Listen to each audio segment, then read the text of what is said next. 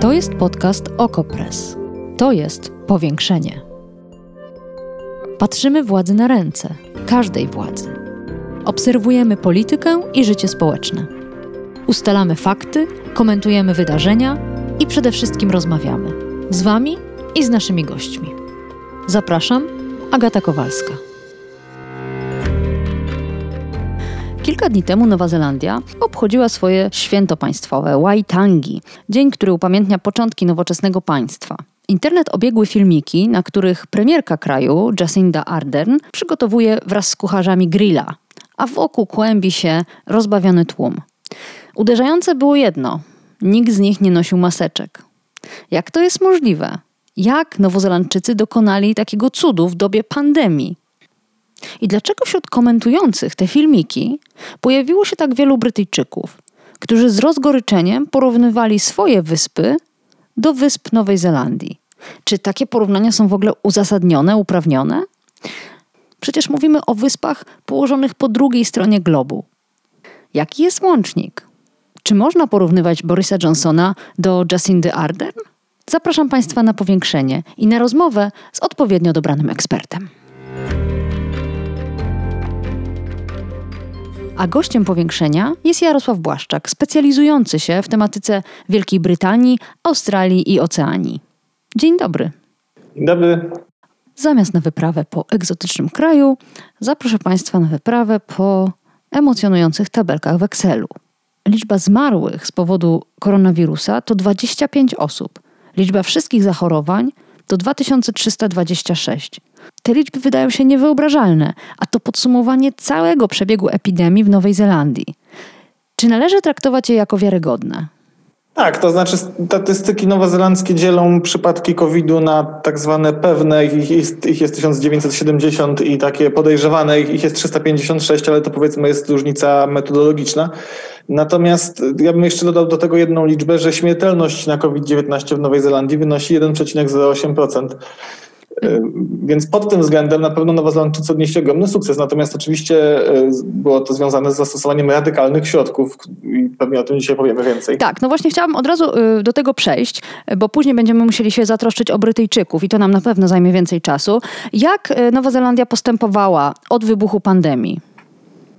Znaczy, mówiąc już w największym skrócie, Nowa Zelandia przede wszystkim postawiła na bardzo daleko idącą izolację, korzystając z tego, że jest państwem wyspiarskim, które jest położone w całości na archipelagu, nie ma granic lądowych, w związku z tym dosyć łatwo jest kontrolować przepływ osób i dosyć szybko w marcu podjęto decyzję o całkowitym praktycznie zamknięciu granicy. To znaczy umożliwiono mm, powroty osób, które mają nowozelandzkie obywatelstwo lub prawo stałego pobytu w Nowej Zelandii.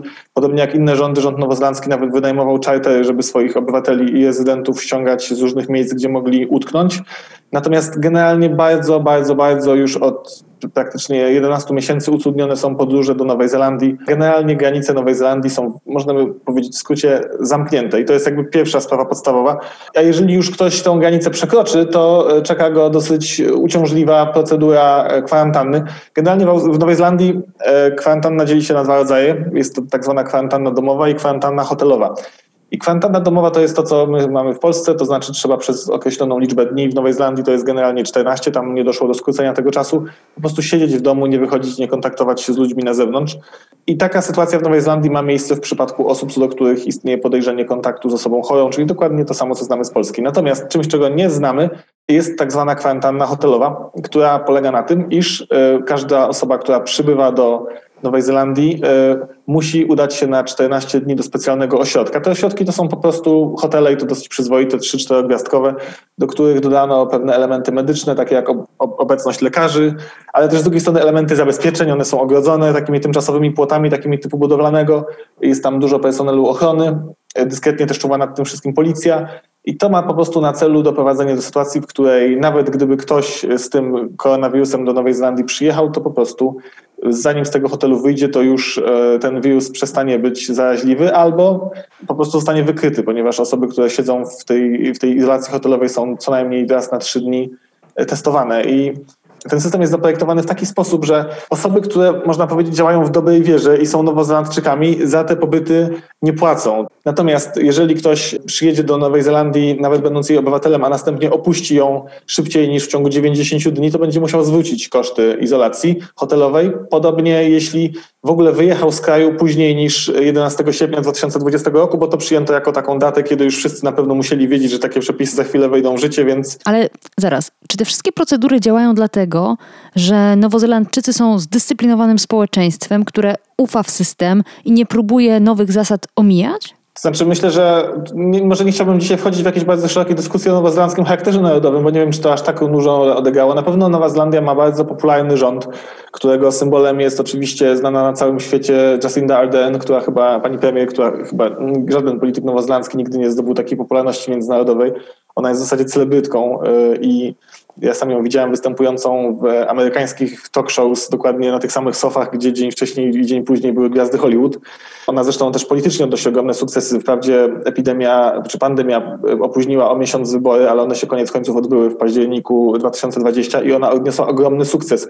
Dość powiedzieć, że po tych wyborach mogła utworzyć rząd, który po raz pierwszy od ćwierć wieku w historii politycznej Nowej Zelandii nie jest rządem koalicyjnym. Jej partia pracy rządzi samodzielnie. Po raz pierwszy premier i wicepremier od tak długiego czasu są z tej samej partii, bo nie ma potrzeby wpuszczać koalicjanta mniejszego na No ja rozumiem, ale epidemia to jest bardzo dziwny czas, który sprawdza bardzo wiele e, rzeczy. To znaczy sprawdza to, jak działa system ochrony zdrowia, jak działa administracja rządowa, administracja samorządowa, jak obywatele rozumieją i czy w ogóle rozumieją różnego rodzaju ograniczenia, które do tej pory były tylko teoretyczne, były możliwe do zastosowania. No i teraz wracam do tych liczb, które cytowaliśmy na początku. Do tego skutecznego pohamowania rozwoju epidemii. No, jakoś to musimy skomentować, że to się tam udało. Jasne, to znaczy ja bym powiedział o dwóch jakby aspektach tej sprawy, o aspekcie, który się wiąże z przymusem i który się e, nie wiąże. To znaczy, jeśli chodzi o taki system dobrowolny, to myślę, że bardzo fajnym miernikiem jest oficjalna aplikacja do śledzenia kontaktów. Ona, to jest niezwykle rozbudowany system i też przygotowałem garść liczb, żeby pokazać skalę. Tylko zanim zaczniemy, to uświadommy sobie, że Nowa Zelandia ma mniej więcej 5 milionów 100 tysięcy mieszkańców w tej chwili, przy czym oczywiście wliczamy do tego również e, tak małe i starców tak schorowanych, że nie będą używali swoich komórek a tą aplikację e, pobrało do tej pory prawie 2,6 miliona użytkowników. Nie dość, że pobrało, to się jeszcze w niej zarejestrowało. Więc ponad połowa społeczeństwa i to jeżeli nawet do społeczeństwa zaliczymy te osoby, które wiadomo, że z aplikacji korzystać nie będą. I ta aplikacja opiera się na tym, że wprowadzono ustawowy obowiązek w takiej specustawie covidowej, e, żeby wszystkie firmy, wszystkie instytucje, które w jakiś sposób gospodarują przestrzenią publiczną, jak również operatorzy transportu zbiorowego, umieścili w widocznych miejscach w swoich budynkach, ale również w swoich pojazdach w przypadku transportu kody QR. I e, Osoby, które chcą korzystać z tej aplikacji, jak powiedzieliśmy, jest to ponad połowa społeczeństwa, po prostu w miarę jak w ciągu dnia poruszają się po mieście, e, skanują poszczególne kody w miejscach, gdzie były. I po co? To, po to, żeby jeżeli się okaże, że na przykład w tym miejscu, w czasie, który umożliwił kontakt czy jakąś e, ekspozycję potencjalnie niebezpieczną, była osoba, u której test na koronawirusa da wynik pozytywny, wtedy bardzo łatwo jest odpowiednim służbom tę osobę znaleźć, powiadomić ją o zaistniałej sytuacji, a koniec końców skierować na e, izolację domową, bo w tym przypadku stosuje się domową i na testy oczywiście. Więc e, tutaj jakby to też jest bardzo ważny element tego wszystkiego i to akurat świadczy o dużej dyscyplinie, że zupełnie nie było obowiązku, to były tylko apele, a tak duża grupa ludzi zdecydowała się na podanie tej aplikacji. No jak skontrastujemy to z Polską, gdzie były duże obawy, że co ja będę instalował aplikację, bo jeszcze nie daj Boże mnie Sanepid zamknie na kwarantannie, no, myślę, pomijając już jakość wykonania informatycznego aplikacji w Polsce i Nowej Zelandii, ale to dyskusja bardziej dla informatyków. No, to znaczy wiem, że nie chciałbym, nie chciałbym za mocno wybiegać do Wielkiej Brytanii, ale myślę, że różnica między i Polską, i Wielką Brytanią, i, a Nową Zelandią z drugiej strony polega jednak na tym, że ta izolacja granic miała ogromne znaczenie i też przez to liczba osób, które potencjalnie, liczba przypadków w konsekwencji koronawirusa, z którymi te służby musiały, musiały sobie poradzić, była zupełnie inna, mm -hmm. co nie zmienia faktu, że po drodze, odkąd rozpoczęła się pandemia, minister zdrowia Nowozelandii 1 też już stracił stanowisko, bo uznano, że mimo wszystko to jeszcze nie jest ten poziom, którego e, pani premier czy jej wyborcy by oczekiwali. Zresztą ja myślę, że już tak bardziej politycznie patrząc, że dymisja ministra zdrowia też miała coś wspólnego z kampanią wyborczą, bo to jeszcze było przed wyborami. Może chodziło o to, żeby pokazać, że tak, były drobne zaniedbania, ale ten pan już tu nie pracuje. Tak? Pani Maria, nasza słuchaczka, napisała tak. Podobno nowozelandzki sukces okupiony jest ogromnymi stratami finansowymi z powodu zamknięcia granic i braku turystów z zagranicy. Czy to jest prawda? To znaczy, jak na to spojrzymy. Znaczy, oczywiście tak, gdybyśmy spojrzeli na obroty wielu firm, to one są bardzo e, obniżone, czy wręcz za mało w wielu branżach. No pamiętajmy, że rzeczywiście, że dwiema kluczowymi gałęziami nowozelandzkiej gospodarki jest rolnictwo e, i jest e, turystyka. No turystyka w sposób oczywisty tutaj straciła na tym i tutaj nie muszę tego tłumaczyć. Rolnictwo też w pewnym stopniu miało z tym problem, ponieważ abstrahując już od zawirowań rynkowych, to duża część tego produkcji rolnej idzie na eksport i to też miało pewien wpływ. To też jest, są pewne kłopoty z dostępem do, mm, do pracowników po prostu, którzy, no, podobnie jak w Polsce, oczywiście jesteśmy na drugim końcu świata, ale problemy są podobne. Rolnictwo w jakimś stopniu też stoi pracownikami e, takimi typu gastarbeiterzy. E, natomiast oczywiście rząd, rząd nowozelandzki wprowadził liczne systemy takie pomocowe, różnego rodzaju instrumenty typu tarcza antykryzysowa. A Nowa Zelandia to jest bogaty kraj? Stać było na prawdziwą pomoc? Stać było, natomiast to, co mnie najbardziej zaskakuje, kiedy to czytam, to to, że Nowa Zelandia miała taki moment, wezmę sobie tutaj dokładne dane ekonomiczne, no, przepraszam, przeczytam je, żeby nie, e, nie przekręcić niczego. Nowa Zelandia miała taki moment, kiedy kwartał do kwartału jej gospodarka się zmniejszyła o 12,2%, czyli potencjalnie wyszła w kierunku dużej recesji, ale jak tutaj czytam, e, opinia analityków finansowych posiłkuje się, bo sam nie jestem, zadziałał taki efekt V na tym wykresie, to znaczy, kiedy kraj zaczął sobie dużo lepiej radzić i w Nowej Zelandii w pewnym momencie zaczęto te restrykcje poluzowywać, możemy za chwilę powiedzieć o tym systemie dokładnie tych restrykcji, jak on działa, to ta gospodarka zaczęła dosyć szybko wracać do siebie i koniec końców, według danych, które na dzisiaj są dostępne, e, Prawdopodobnie Nowa Zelandia zamknie rok 2020 z wynikiem 0,4% wzrostu gospodarczego, co jak na warunki pandemiczne jest w ogóle genialne, bo nawet nowozelandzkie prognozy mówiły o spadku ponad 1,5% PKB, a a w, no, w, krajach Europy to no, przecież nasz rząd się cieszy, że, że, tak, że spadło nam tak mało, a, a w Nowej Zelandii nawet lekko urosło. No proszę. A, y, mówił pan, że chce powiedzieć więcej o restrykcjach, ale ja bym wróciła do tych filmików, które widzieliśmy w internecie ze świętowania, Narodowe y, Święto y, Nowej Zelandii i wszyscy bez maseczek. Rzeczywiście tam tak jest teraz, że powszechnie można z maseczek zrezygnować? Tak, to znaczy Nowa Zelandia jest w tej chwili podzielona na dwie takie części kraju pod względem obowiązujących obostrzeń. To znaczy forma, generalnie ustawa, specustawa covidowa nowozelandzka przewiduje cztery poziomy e, restrykcji. W tej chwili formalnie cała Nowa Zelandia jest na poziomie pierwszym, czyli najniższym. Natomiast pewien wyjątek zrobiono dla aglomeracji Auckland, czyli największego miasta Nowej Zelandii. I w Auckland ze względu na to, że tam rzeczywiście było troszeczkę więcej tych infekcji, ale mówimy dalej o liczbach dużo, dużo mniejszych niż w Polsce każdego dnia. Tam na przykład w transporcie publicznym jest obowiązek noszenia maseczek. Na terenie Auckland też trzeba je nosić w nawet takich formach transportu jak taksówka czy, czy jakieś aplikacje typu Uber i ich kierowcy, ale generalnie noszenie maseczek jest dobrowolne, jest zalecane, natomiast nie ma takiego obowiązku. Coś niesamowitego.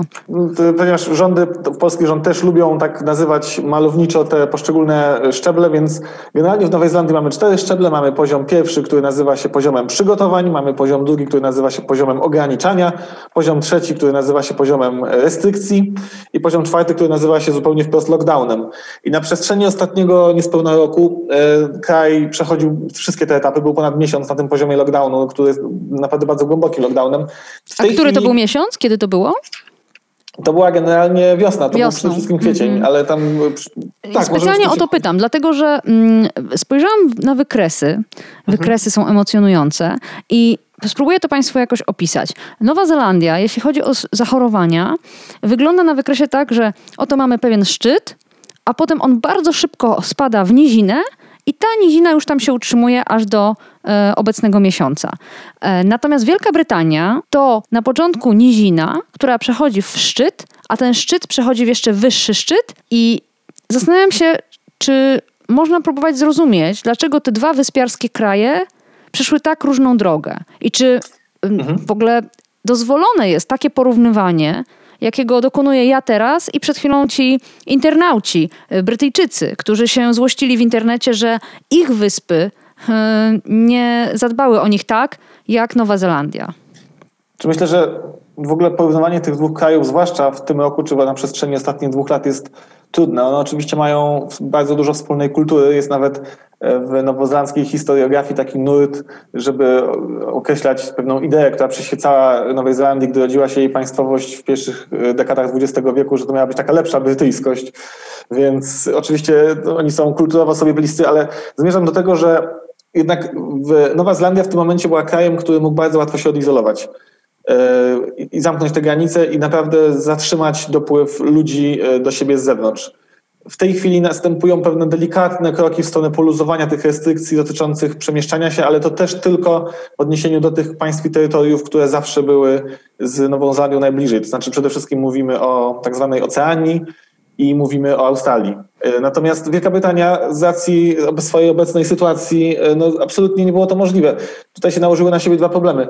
E, po pierwsze, oczywiście mamy Brexit, po drugie mamy COVID i jakby wiemy już o tym i to, to jest turizm, co powiem, że Wielka Brytania też początkowo przyjęła nieco inne podejście do COVID-u, znacznie mniej restrykcyjne niż, niż kraje kontynentalnej Europy. Nowa Zelandia z kolei bardzo ostro reagowała na wszystkie możliwe e, wzrosty zachorowań i bardzo szybko przeszła tego pełnego lockdownu.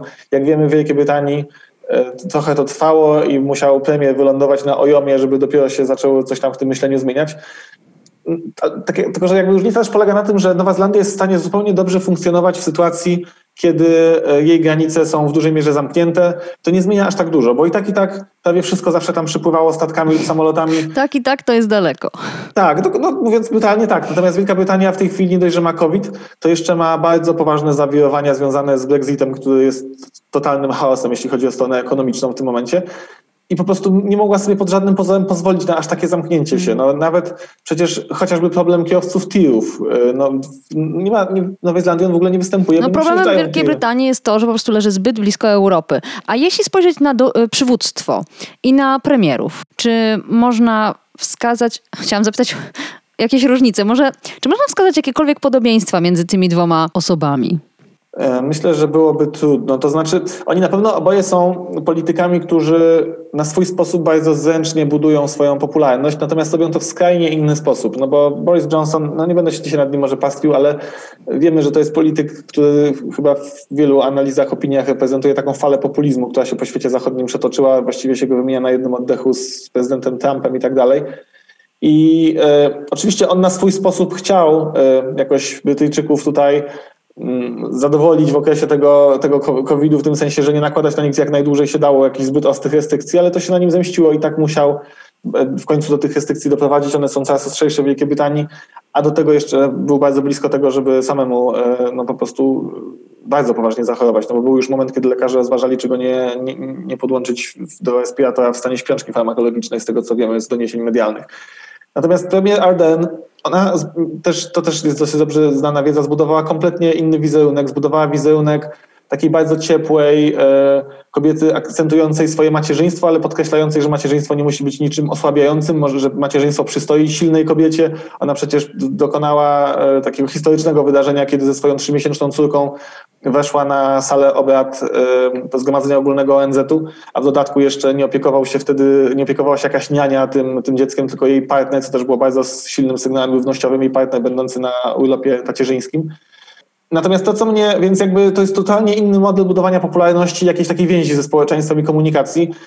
Natomiast zwróćmy uwagę, że nie wpłynęło to na popularność Jacindy Ardern, że ona tak, tak y, restrykcje duże wprowadziła. No to jest wiadomo, że to jest bardzo niewygodne, te wszystkie rzeczy, o których mówimy, chociażby związane z przylotem do Nowej Zelandii, kiedy przez dwa tygodnie trzeba siedzieć w tym hotelu, a w wielu przypadkach za to jeszcze płacić straszne pieniądze, bo ta izolacja hotelowa w tych przypadkach, kiedy jest płatna, to jest bardzo droga ale e, jakby potrafiła to tak ludziom sprzedać, że wygrała wybory, jak już mówiliśmy. I co więcej, kiedy się analizuje, skąd te wyniki wyborcze tak dobre, podaje się jej e, bardzo dobre zarządzanie epidemią jako jedną z mhm. przyczyn, która zbudowała jeszcze poprawiła jej popularność. No właśnie, bo to, bo to chyba jest y, kluczowe, że y, koniec końców y, chodzi o umiejętność zarządzania w kryzysie. Zgoda, chociaż musimy cały czas brać pod uwagę też ta uwarunkować. Jestem ostatnią osobą na świecie, która chciałaby bronić Borisa Johnsona, natomiast zwróćmy uwagę na różnicę skali mm -hmm. też tych krajów i ludnościową i no różnicę tak. wyzwań.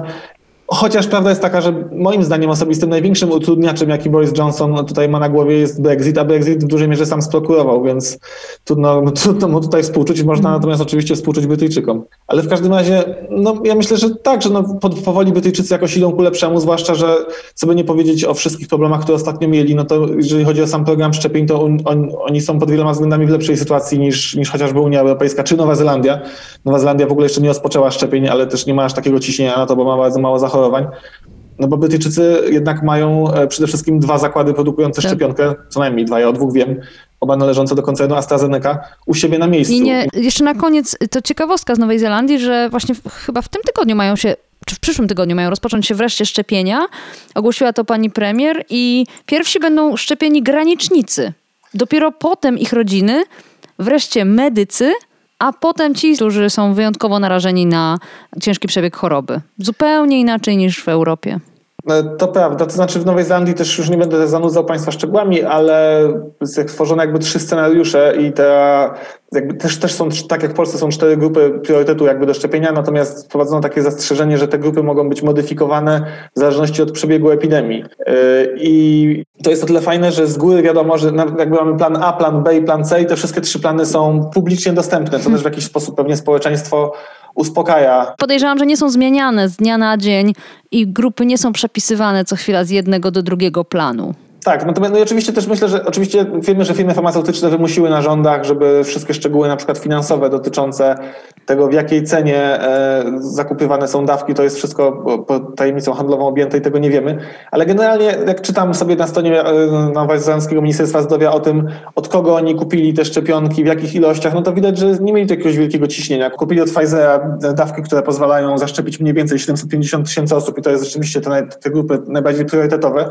Podpisali też umowę z AstraZeneca, ale też na przykład mają umowy z koncernami Johnson Johnson i Novavax. I to są szczepionki, które są jeszcze w trakcie dopracowywania, jakby nie tak. są jeszcze aż tak gotowe rynkowo, jak te wspomniane wcześniej, co pokazuje, że Nowozelandczycy korzystając z tego, że mają epidemię pod kontrolą, po nie spieszą się, z tym otwarciem tak. granic, bo też pani premier powiedziała, że nie zamierza otwierać granic na cudzoziemców wcześniej niż w połowie roku, więc mogą to zrobić w sposób spokojny i pewnie kiedy kiedyś zostaną odtajnione te dane, ile dokładnie poszczególne państwa zapłaciły za, za program szczepień, to się okaże, że Nowozelandczycy zrobili na tym dobry interes. No. Też oczywiście pewnie inni powiedzą, no ale jakie ponieśli straty przez tak restrykcyjne zamknięcie granic. No to pewnie to jest spór historyków na przyszłość. Pewnie tak i ekonomistów. 2021 e, rok ma być w Nowej Zelandii rokiem szczepień, tak powiedziała e, Jacinda Ardern, e, jednocześnie ogłaszając, że właśnie te szczepienia ruszają. A gościem powiększenia był Jarosław Błaszczak, specjalizujący się w tematyce związanej z Wielką Brytanią, Australią i Oceanią. Bardzo dziękuję za spotkanie. Dziękuję. Powiększenie. Podcast Okopres. Prowadzenie Agata Kowalska. Podcast znajdziesz na stronie Okopres i w Twojej ulubionej aplikacji do podcastów. Redakcja Okopres działa od 2016 roku. Jesteśmy obywatelskim narzędziem kontroli władzy, obecnej i każdej następnej. Okopres utrzymuje się z Waszych darowizn. Wesprzyj nas, byśmy mogli działać dalej.